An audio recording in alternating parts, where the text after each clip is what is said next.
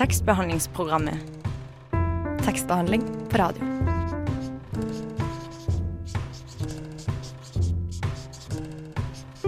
Tekstbehandlingsprogrammet.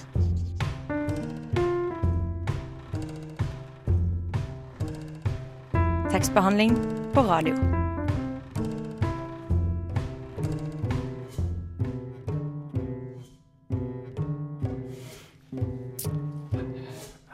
Og velkommen til tekstbehandlingsprogrammet, Radio Novas primære litteraturprogram.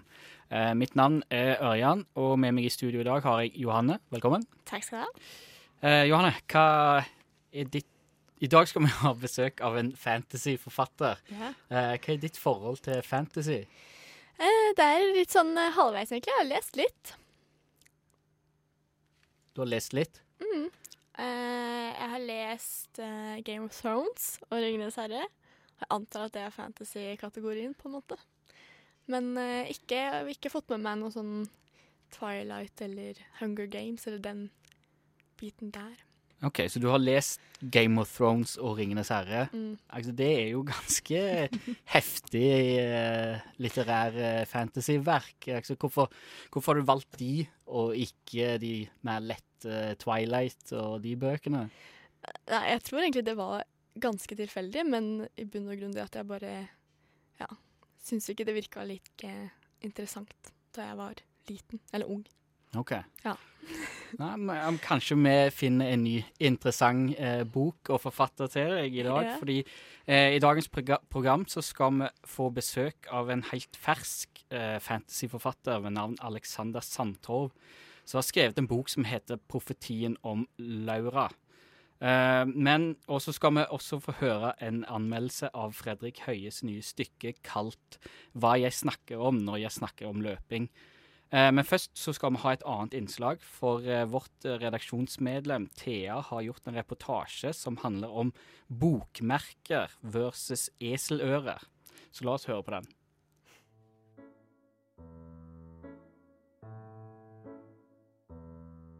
Hva sier egentlig måten du legger fra deg boka di om deg som person? Er eselører et tegn på latskap, mangel på respekt eller et underliggende ønske om å utagere og fucke the system? Og er bruk av bokmerker et sikkert tegn på rigidhet og et kvelende behov for kontroll? Dette skal vi ikke finne ut av i dag, men vi skal finne ut av om Oslos befolkning med et representativt utvalg på seks bruker bokmerker eller eselører når de gjør seg ferdig med leseøkta. Bokmerke eller eseløre? Uh, Eseløre, definitivt. Jeg er altfor surrete til å holde styr på et bokmerke. Jeg bruker mest eselører, men hvis jeg finner et eller annet sånn rart i et blad, eller noe sånt, så pleier jeg å ta det og bruke det som bokmerke. Jeg bruker eseløre. Eh, Jeg pleier å bruke den, eh, eh, det omslaget, for bøker har jo ofte det derre papiromslaget, så det pleier jeg å bruke som bokmerke. Og hvis boka ikke har det, så pleier jeg å bruke bokmerke. Eh, ja, jeg bruker eh, bokmerke på skjønnlitterære bøker, og så bruker jeg eseløre på pensum. Eh, nei, når jeg var liten så brukte jeg å skrive sånne lapper der det sto at man ikke skulle brette i dem, ikke skrive i bøkene og sånne ting. Så hver gang folk lånte bøker av meg, så fikk de en sånn lapp som jeg hadde laminert sammen med boka. Men nå så er jeg ikke så nøye lenger. På bakgrunn av dette oppfordrer jeg til å trekke egne konklusjoner hva gjelder eselører versus bokmerker og menneskene bak.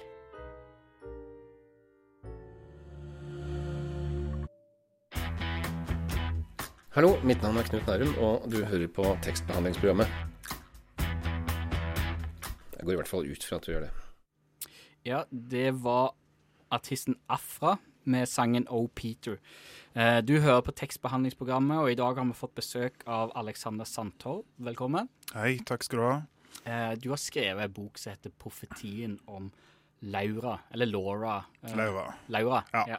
Hva, hva handler, Kan du fortelle litt om hva, hva det den handler om? Det er jo veldig vanskelig når man har skrevet en bok på 328 sider og komprimere det ned i, i en sånn fin, letthåndterlig lett håndterlig smørje. da. Eh, Men eh, kort forklart så er det da eh, en historie om Laura som er 17 år gammel. Hun har da et veldig nyfødt barn og drar til en øy som er forlatt, hvor familien har da en hytte som de eier. Og Midt på natten så forsvinner barnet helt sporløst. Uh, og det eneste som er igjen, det er knust grønt glass på madrassen. Og dette her um, er da begynnelsen på boken, og boken handler om Leras reise for å finne ut hva som har skjedd med barna. Um. Hm. Spennende. Hva, Hvorfor, hvorfor, begynte du å skrive den boka? Hvor kom uh, ideen ifra? Det høres litt schizofrent ut. Um, og det er kanskje litt schizofrent. Jeg vet ikke om jeg er helt tilregnelig. Men uh, som forfatter så kommer på en måte karakterer til meg bare hele tiden. Uh, de kommer når jeg ser på TV, de kommer når jeg dusjer, de kommer når jeg er på do. Og de er hele tiden med meg. Så Laura kom til meg når jeg bodde på Fantoft. Vet dere hvor det er? Nå? Ja, det er en sånn forferdelig hybellandsbygd um, som er helt grusom. og i den perioden så, så, så var jeg veldig sånn opptatt av Lynch, uh, og Nerdrum uh, og Salvador Dali. Uh, så det var en sånn surrealist-trend som jeg hadde med meg. Og da kom Laura til meg helt sånn ut av det blå. Um, på den tiden så Jeg vet ikke. Jeg skrev ikke så mye da, men, men det utvikla seg over år til å på en måte bli da, denne boken. Mm, skjønner. Du nevnte uh, Lynch, mm. og du nevnte hvem andre? Salvador Dali, og Dali. Nærdrum. Og Nærdrum, ja. Uh, det er jo litt andre typer. Men hva, hva er ditt forhold til fantasy-bøker? Sånn, kjenner? Ja, hva skal vi si om det, da? Det er jo Fantasy-sjangeren var jo den som jeg på en måte oppdaga først. Nå leser jeg veldig mye klassisk litteratur òg, eh, men da jeg var type tolv år, med langt hår og streng, eh, så var det fantasy det gikk i. Og det fikk veldig øynene mine opp for um, litteratur. Så jeg er jo en veldig tilegner av fantasy. Um, et problem som jeg møter veldig ofte, det er at veldig mange tror at fantasy er ekstremt juvenilt Det er liksom så barnslig, og, og liksom voksne mennesker leser ikke fantasy, får jeg veldig mye. Og det er selvfølgelig bare tull. Um. Det er klart at det finnes fantasy som er kjempejuvenilt, med drager og trollmenn og bla, bla, bla, og alle har kjempelange navn som er kjempekompliserte. Men, men fantasy kan jo òg være sånn som f.eks. min inspirasjon med Dali. Det kan være en surrealistisk reise, det kan være en metaforisk reise, um, og det kan òg være en psykologisk reise. Og alle de tingene har jeg da tatt med meg inn i denne boken. Mm. Så fantasy-sjangeren er da altså fantastisk som en sjanger, men den er òg en, en, psykologisk reise uh, som en metafor. Ok, Men vil du på, er det med andre ord eh, profetien om Laura er mer enn innom den eh, surrealistiske fantasien, eller er det en sånn drage Nei, det er, ingen, det er ingen drager. Um, jeg hater egentlig drager, dessverre. Nå vet jeg at jeg, mange av mine fans kommer til å lynsje meg for at jeg har sagt det. Uh, det er ingen drager. Uh, og det, det, er definitivt mer surrealistisk. Altså, det vil si at, at, mange av de tingene som er fantastiske elementer, det er uh, metaforer for ting. Mm. Um, som da er inspirert av, av Lauras indre og syke. Jeg leste veldig mye Jung um, og drømmetolkning og drømmesymboler mens jeg skrev denne, denne boken. Okay. Ja. Uh, det... Du har ikke forventa det? Nei, jeg vet ikke. Folk leser jo litt forskjellig når ja. de uh, blir inspirert av bøker. Mm. Eller til å skrive bøker. Uh, men det høres veldig interessant ut. Vi gleder oss til å høre mer om boka etterpå. nå skal vi bare høre en sang. dette er Baba Stilt med sangen 'Baby'.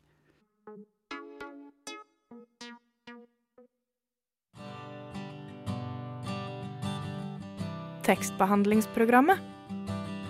Radio Novas beste og eneste litteraturmagasin.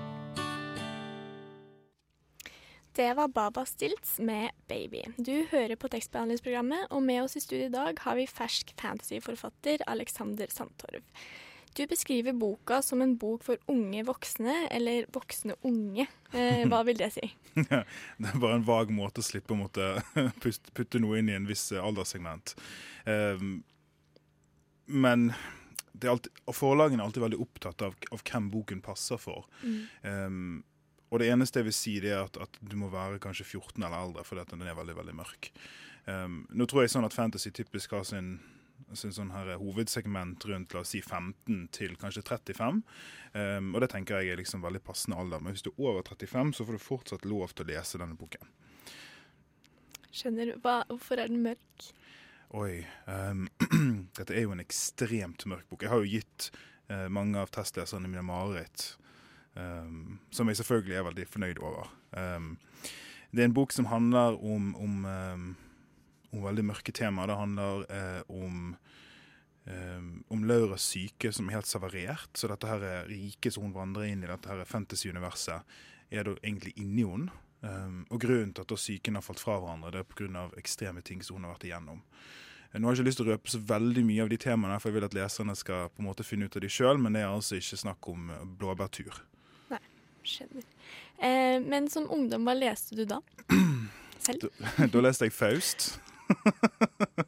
um, det er ikke så vanlig. Jeg leste Faust og Anne Frank. Um, og jeg leste um, Jeg leste Hva annet leste jeg? Jeg leste jo mye fantasy òg, da. 'Ringenes herre' leste jeg veldig mange ganger. Jeg leste Tolstoy, faktisk. Uh, det gikk kjempedårlig. Jeg hatet det. Jeg måtte tilbake igjen til det seinere. Um, så jeg leste veldig veldig variert. Og det tror jeg er en av grunnene til at jeg på en måte tar Når jeg skriver fantasy sjøl, så går jeg litt videre enn det fantasy veldig ofte er. Mm. Fordi at jeg, jeg på en måte strekker fra alle disse her litterære referansene som jeg har. Mm. Um, så jeg leste altså hele tiden. Jeg brukte ukepengene mine på, på bøker. Jeg vet ikke om, om noen av dere hadde de her grøssende bøkene. Jo. Ja, og De kostet sånn en 50-lapp eller noe sånt noe, back in the days. Uh, og da fikk jeg liksom en 50-lapp i uken, og da brukte jeg det bare på de bøkene. Uh, kjempedårlige bøker, da, men OK. Uh, så liksom alle pengene jeg noen gang fikk inn, de gikk til bøker. Um, fordi at det var så ekstremt viktig for meg. Har du sånn én forfatter som peker seg veldig ut som en inspirasjon for denne boka her? Oi.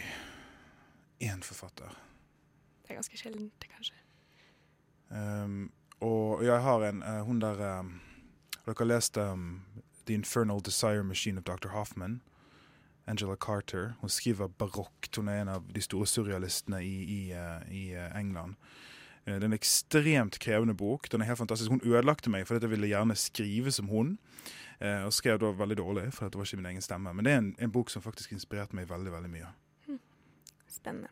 Men det tok fem år å skrive boka her? Cirka? Fem eller seks eller noe sånt noe, ja. Hvorfor eh, tok det så lang tid? Altså, det tok veldig lang tid for det første fordi at jeg måtte finne stemmen min. Um, det er noe som, som alle forfattere snakker veldig mye om, at det tar veldig lang tid.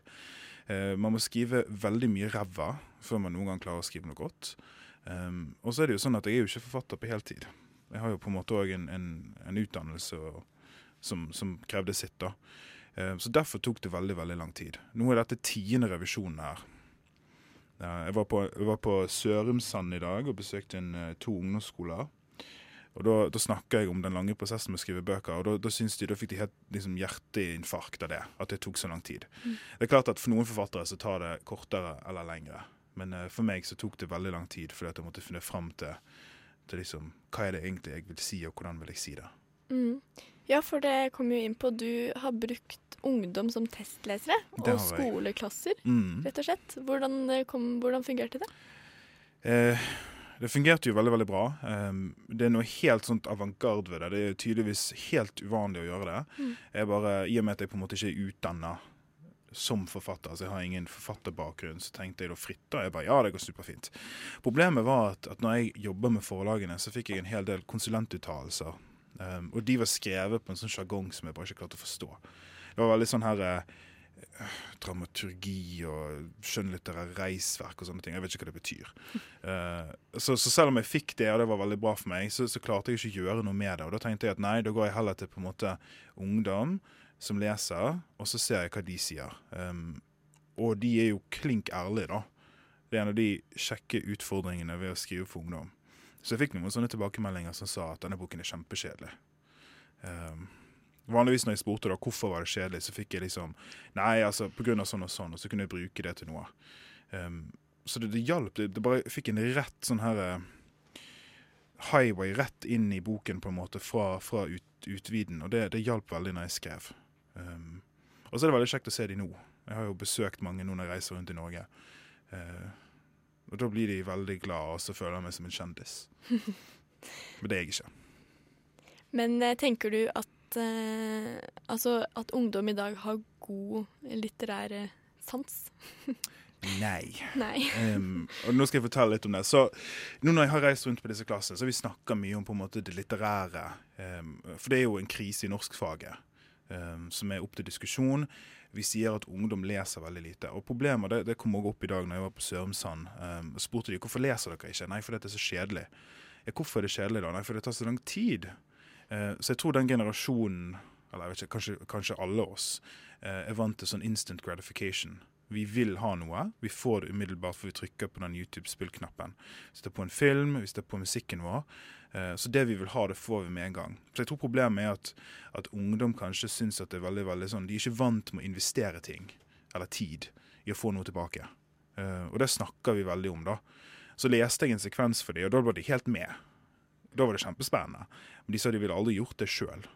Og så blir de òg tvunget da, til å lese eh, veldig mye litteratur som kanskje er klassisk, men ikke er så relevant for dem.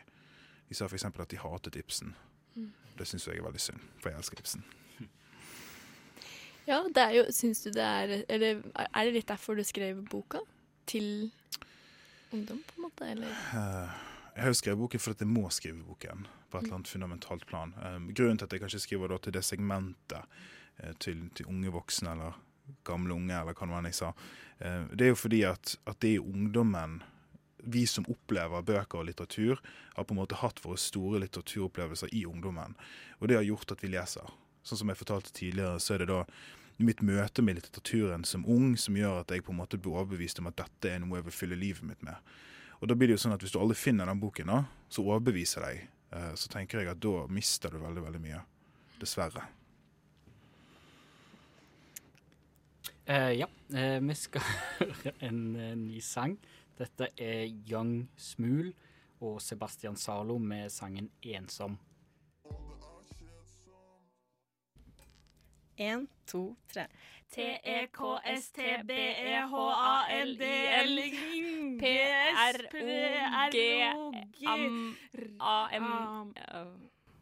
Tekstbehandlingsprogrammet på Radio Nova. Ja, det var eh, Young Smul og Sebastian Zalo med sangen 'Ensom'. Eh, du hører på tekstbehandlingsprogrammet her på Radio Nova. Eh, med oss i studio så har vi Alexander Sandtorv. Eh, apropos ensom. Eh, mobbing er et tema som kommer opp i boka di, eh, 'Profetien om Laura'. Eh, hva er ditt forhold til mobbing? Ja, som, som alle forfattere um, som skriver, så er jo alt man skriver personlig. Um, og jeg har jo et veldig personlig forhold til mobbing i at jeg har opplevd det. Um, jeg kommer fra Sotra. Jeg Vet ikke om dere vet hvor Sotra er hen. Det er litt sånn getto. Uh, det er rett utenfor Bergen, Bergen, og det er liksom uh, Håper det er bedre nå, da, men uh, det var et høl der eh, veldig lenge. Og på ungdomsskolen um, så opplevde jeg da på en måte Ikke på en måte, jeg opplevde systematisk mobbing i tre år. Um, så kom jeg på videregående og kom inn i et veldig veldig fint miljø, og det var på en måte over når jeg kom ned dit. Men, men den prosessen og det å oppleve det, det er noe som jeg på en måte ikke klarte å forstå for lenge etterpå. Um, det er et overlevelsesinstinkt som setter inn. Uh, sånn at den dag til dagen så husker jeg bare en sånn herre uh, At jeg levde i et sånt mørke. Når jeg prøver å tenke på det, så er det bare et hull inni meg. Um, og da når jeg ble voksen og kom fri fra dette her og på en måte uh, klarte å gå tilbake igjen til det, så, så gjenopplevde jeg alle disse tingene. Um, og det har jo da vært veldig viktig for meg når jeg har skrevet denne boken. At jeg vil formidle hvordan dette var, psykologien bak det, um, og effektene av å bli mobbet. Mm, jeg skjønner. Uh, du sa det at um, Et sånn overlevelsesinstinkt, var det du sa. Ja. Åssen har um, det å skrive denne boka Mm. hjulpet deg? Um, Ja. Um, jeg sa jo tidligere at, at jeg følte at jeg på en måte ikke hadde noe valg når jeg skrev denne boken. Um, og det føler jeg uttrykker akkurat hvordan denne boken har hjulpet meg. Um, uten den så, så vet jeg ikke, for å være helt ærlig. Uh, det var et dypt behov. Um, det, det skjedde ikke før, når vi snakket nå til seksårperioden, så det tok å skrive boken. Så har det òg med min indre modning å gjøre. Så det var på en måte ikke før jeg klarte å sitte ord på disse tingene, at jeg òg klarte å skrive godt om det. Um, så, og da når jeg klarte å skrive godt om det, så måtte jeg skrive det. Da var det ekstremt vondt, eh, men òg ekstremt helbredende.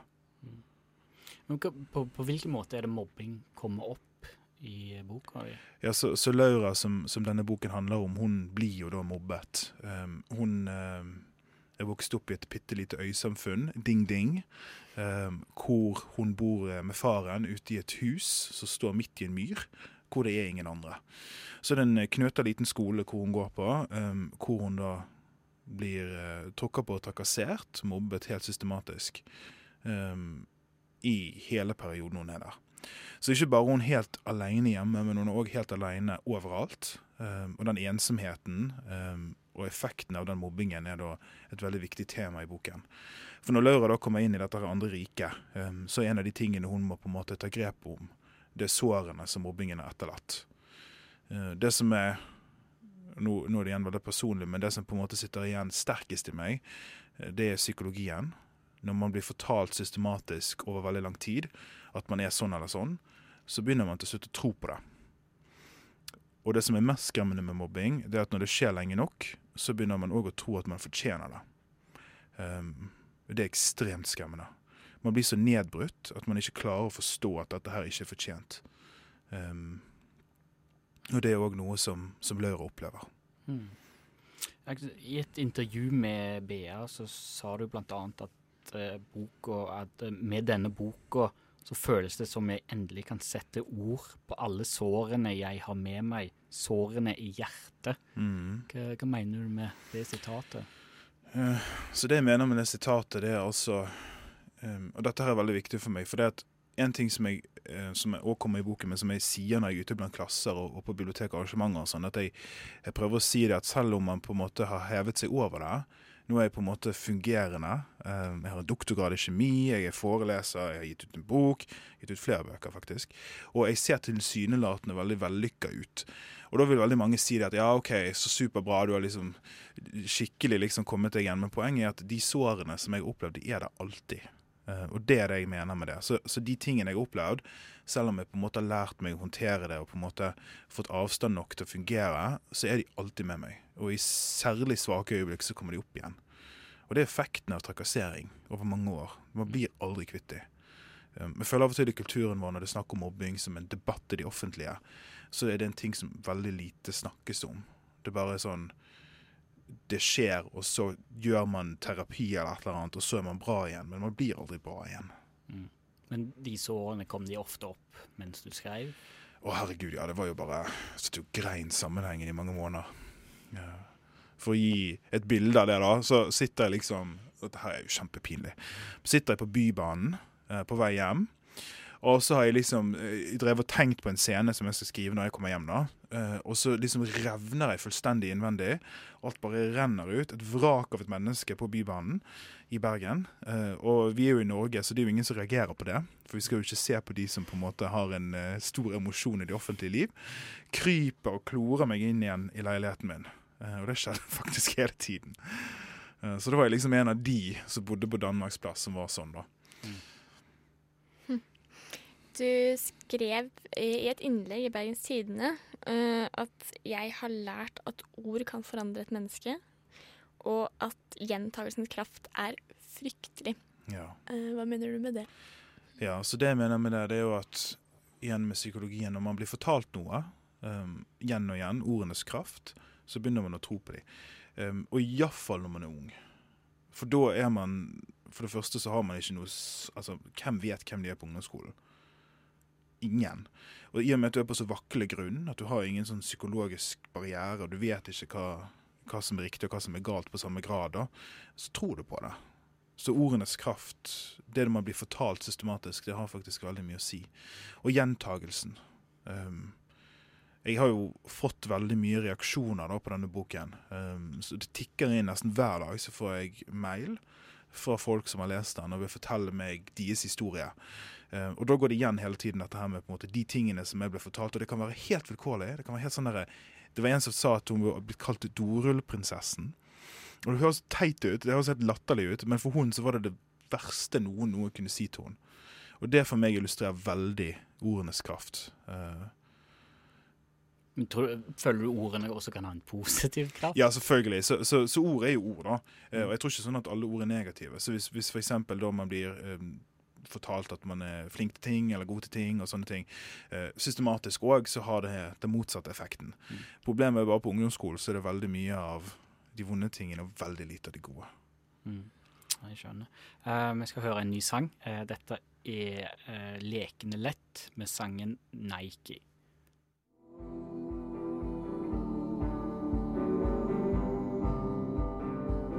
Tekstbehandlingsprogrammet når du vil lese med ørene.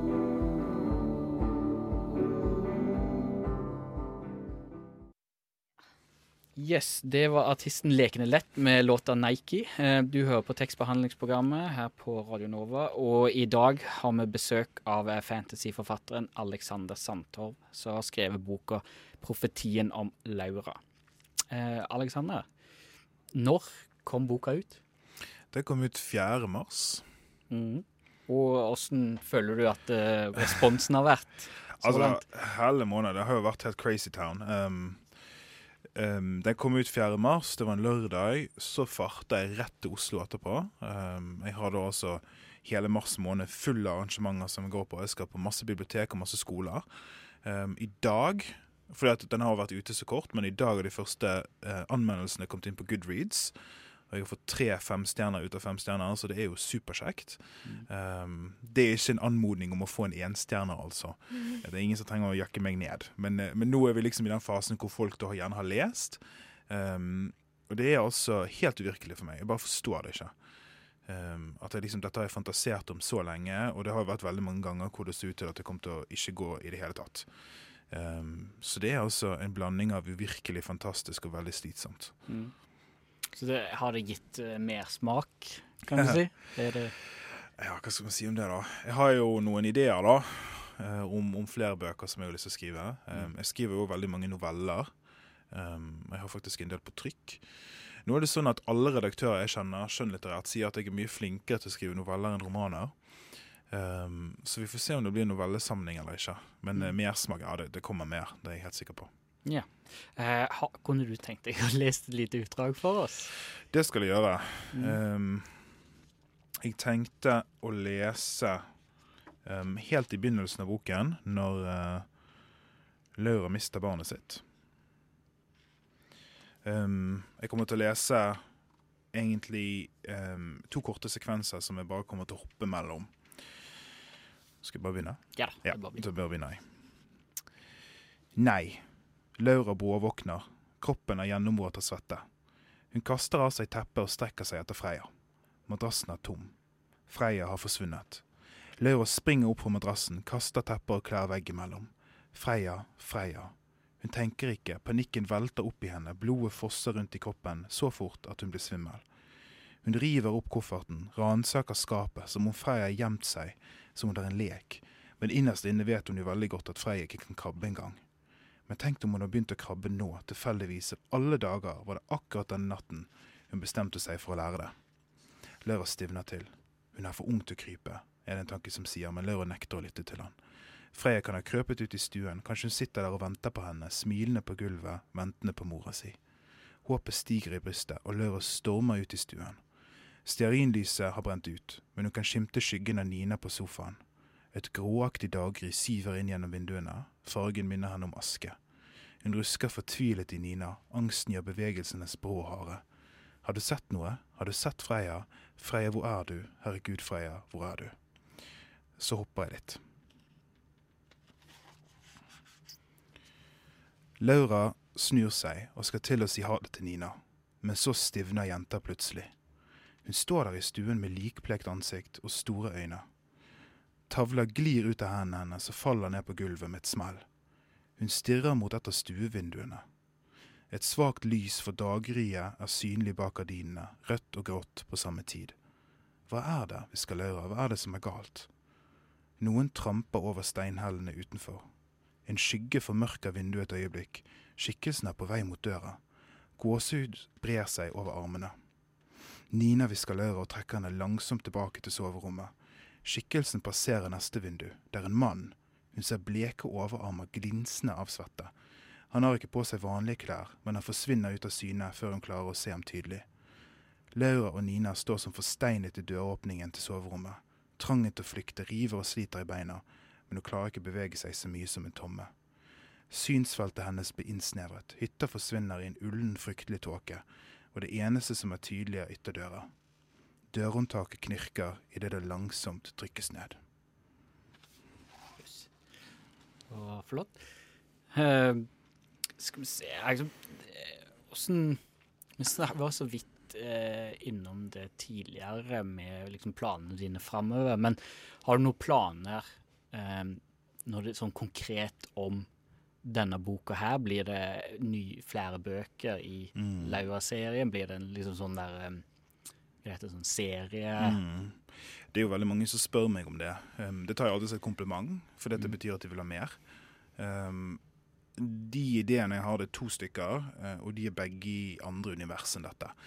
Um, det er klart at hvis liksom en million mennesker spør meg om å skrive en, en sequel, så kanskje jeg får det til, men uh, det er ikke det første jeg har planlagt. Det som jeg opplever veldig ofte, er at når, når folk oppdager en forfatter og liker veldig godt hva de gjør, så vil de ha mer av det. Um, og det, det ser jeg veldig her. Folk liksom Ja, hva skjer? Hva, blir det noe mer? Og sånn. Um, men jeg har også veldig mange univers å vise, så jeg tror det, at det, det blir ikke noe problem å komme på noe nytt. Mm. Eh, jeg bare lurer på sånn i forhold til at du, er, eh, du har doktorgrad i kjemi. Mm. Eh, hvordan Er det du Er det noe som går igjen i skrivingen din, eller er det helt En av ideene mine, da Nå er det første gangen dette blir sagt noen sted, men en av ideene mine er å skrive en trilogi om en, om en, eh, i en fantasy-univers med en kvinne som blir en alkymist. Uh, og det er jo veldig sånn, det trekker veldig på kjemien. da. I denne boken så er det ikke så mye kjemi. Um, det er veldig mange som er sånn vanlig spørsmål jeg får når jeg snakker med, med reportere og journalister, og sånn, det er hvordan kan du som kjemiker skrive bøker om noe helt annet enn kjemi? Um, og jeg syns at de bare skal begynne å kalle meg for et uh, renessansemenneske. Men det har ikke skjedd helt ennå. Um, det, er sånn, det er bare måten skolegangen vår er segregert på, så skal man liksom gjøre det ene eller det andre. Men sånn som dere har hørt fra tidligere, så er jo jeg ekstremt interessert i bøker. Um, så for meg så er det bare logisk at jeg skriver òg. Mm. Men du, du sa, eh, eller du nevnte at det er kanskje en bok om alkemi. Mm. Eh, da, jeg føler egentlig da er vi nesten inne i drager og trollmenn. Nei, nei, nei, nå skal du høre. Dette er ikke noe drager og trollmenn. Så, så ideen er nå Dette er sånn som ingen forfatter gjør. Det er liksom veldig sjelden at forfattere på en måte forteller ideer som er helt sånn ubakte. Men jeg skal gjøre det for det. Så ideen er Se for oss følgende. Det er et kongerike eller liksom et, et univers langt vekke et annet sted. Kanskje har ingenting med jorden å gjøre. Hvor det er en pest. Så pesten kalles Den gule ridder, og den rir. Um, og folk dør som fluer. Ok. Så har vi da en, en ung jente på en gård um, som opplever at foreldrene dør. Så kommer da den lokale urtemannen og liksom henter henne inn og tar henne inn i lærling. Og da har du premisset. Så da skal da denne unge kvinnen lære seg om urter, og så til slutt da så blir hun sendt til uh, Det hvite akademiet, hvor de lærer seg opp i alkemi. Nå er ikke alkemi det samme som magi i dette universet, for det trekkes jo inn da med min kjemierfaring. Mm. Ingen drager. Det skal vi Ingen ikke ha. Vi skal ikke ha bøker om drager. Jeg skjønner. Men uh, Alexander, tusen takk for at du kom. Tusen takk for at jeg fikk komme. Tusen takk. Um, nå skal vi høre en ny sang, og det er uh, Short Skirts med sangen Sam's Shooting. Tekstbehandlingsprogrammet på Radio Nova FM 99,3 og radionova.no. Det var Short Skirts med Sam's Shooting. Du hører på tekstbehandlingsprogrammet, og nå skal vi få eh, et innslag der vårt redaksjonsmedlem Ingrid har vært en tur innom det andre teatret og anmeldt Fredrik Høyer sitt nye stykke 'Hva jeg snakker om når jeg snakker om løping'. La oss høre på det. Selv om alt det flotte, hele livet, alt går mot en ende. Og synet forsvinner. Blodet renner ut av hendene. Og hørselen dempes ned. Og alt jeg trodde på fragmenteres, løses opp og begynner å brenne. Hva er det man tenker på når man springer i 40 km i mange timer? Og hva får et menneske til å frivillig utsette seg sjøl for den fysiske og psykiske påkjenninga det krever? Hva jeg snakker om når jeg snakker om løping, er en forestilling som spilles nå på det andre teatret. Bak stykket står forfatteren og poeten Fredrik Høyer, som både har skrevet teksten og er skuespiller. Den humoristiske, men undersøkende monologforestillinga rammes inn av fortellinga om den gangen han ble utfordra av sin sjef til å springe Oslo Maraton. Teksten og forestillinga er inspirert av forfatteren og maratonløperen Murakamis nesten memoaraktige bok med samme tittel. Jeg tar turen. Hvordan kan jeg løp Oslo Maraton? Og på en måte hva jeg snakker om jeg snakker om løping. Hva er egentlig løping eller springing? Og hva tenker man egentlig på når man springer i så mange timer? Har man egne standup-show i hodet der du sjøl underholder og er publikum? Eller rekonstruerer du en scene av den romantiske komedien The Holiday? Kanskje tenker du på ultraløpere som bare stopper når de må tømme blodet ut av skoa, som tidenes langdistanseløper, Mensen-Ernst? Eller kanskje helt enkelt hvorfor du aldri fikk slutt i korpset? Jeg fikk ikke lov til å slutte, vet du.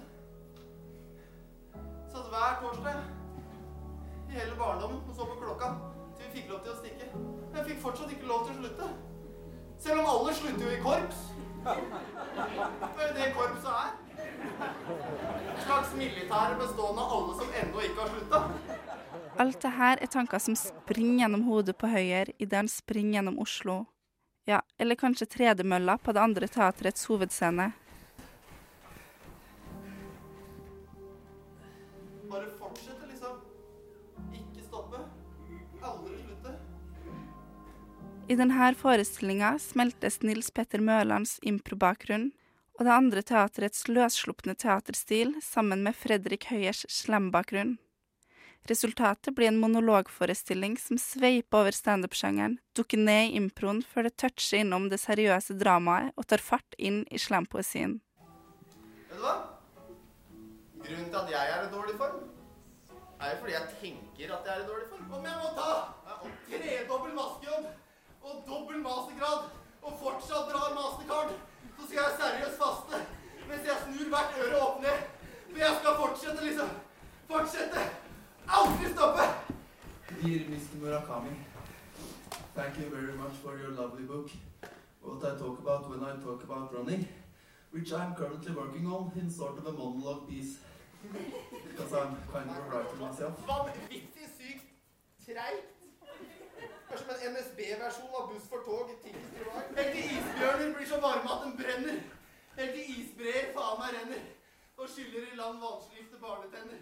Mens framtids I takt med Fredrik Høyer sjøl springer teksten av gårde, men aldri helt forbi publikum.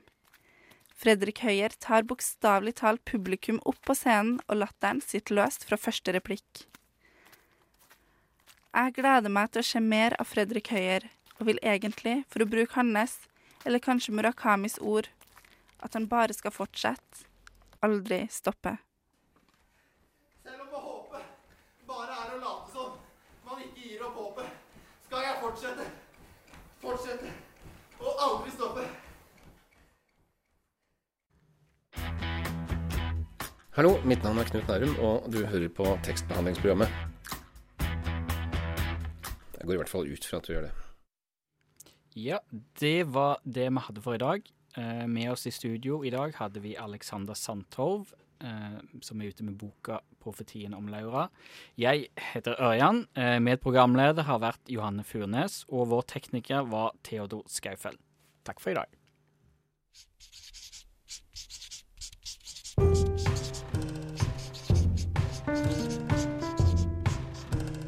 Tekstbehandlingsprogrammet. Tekstbehandling på radio.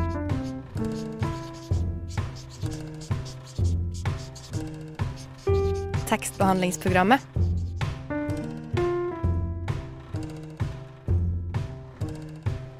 Tekstbehandling på radio.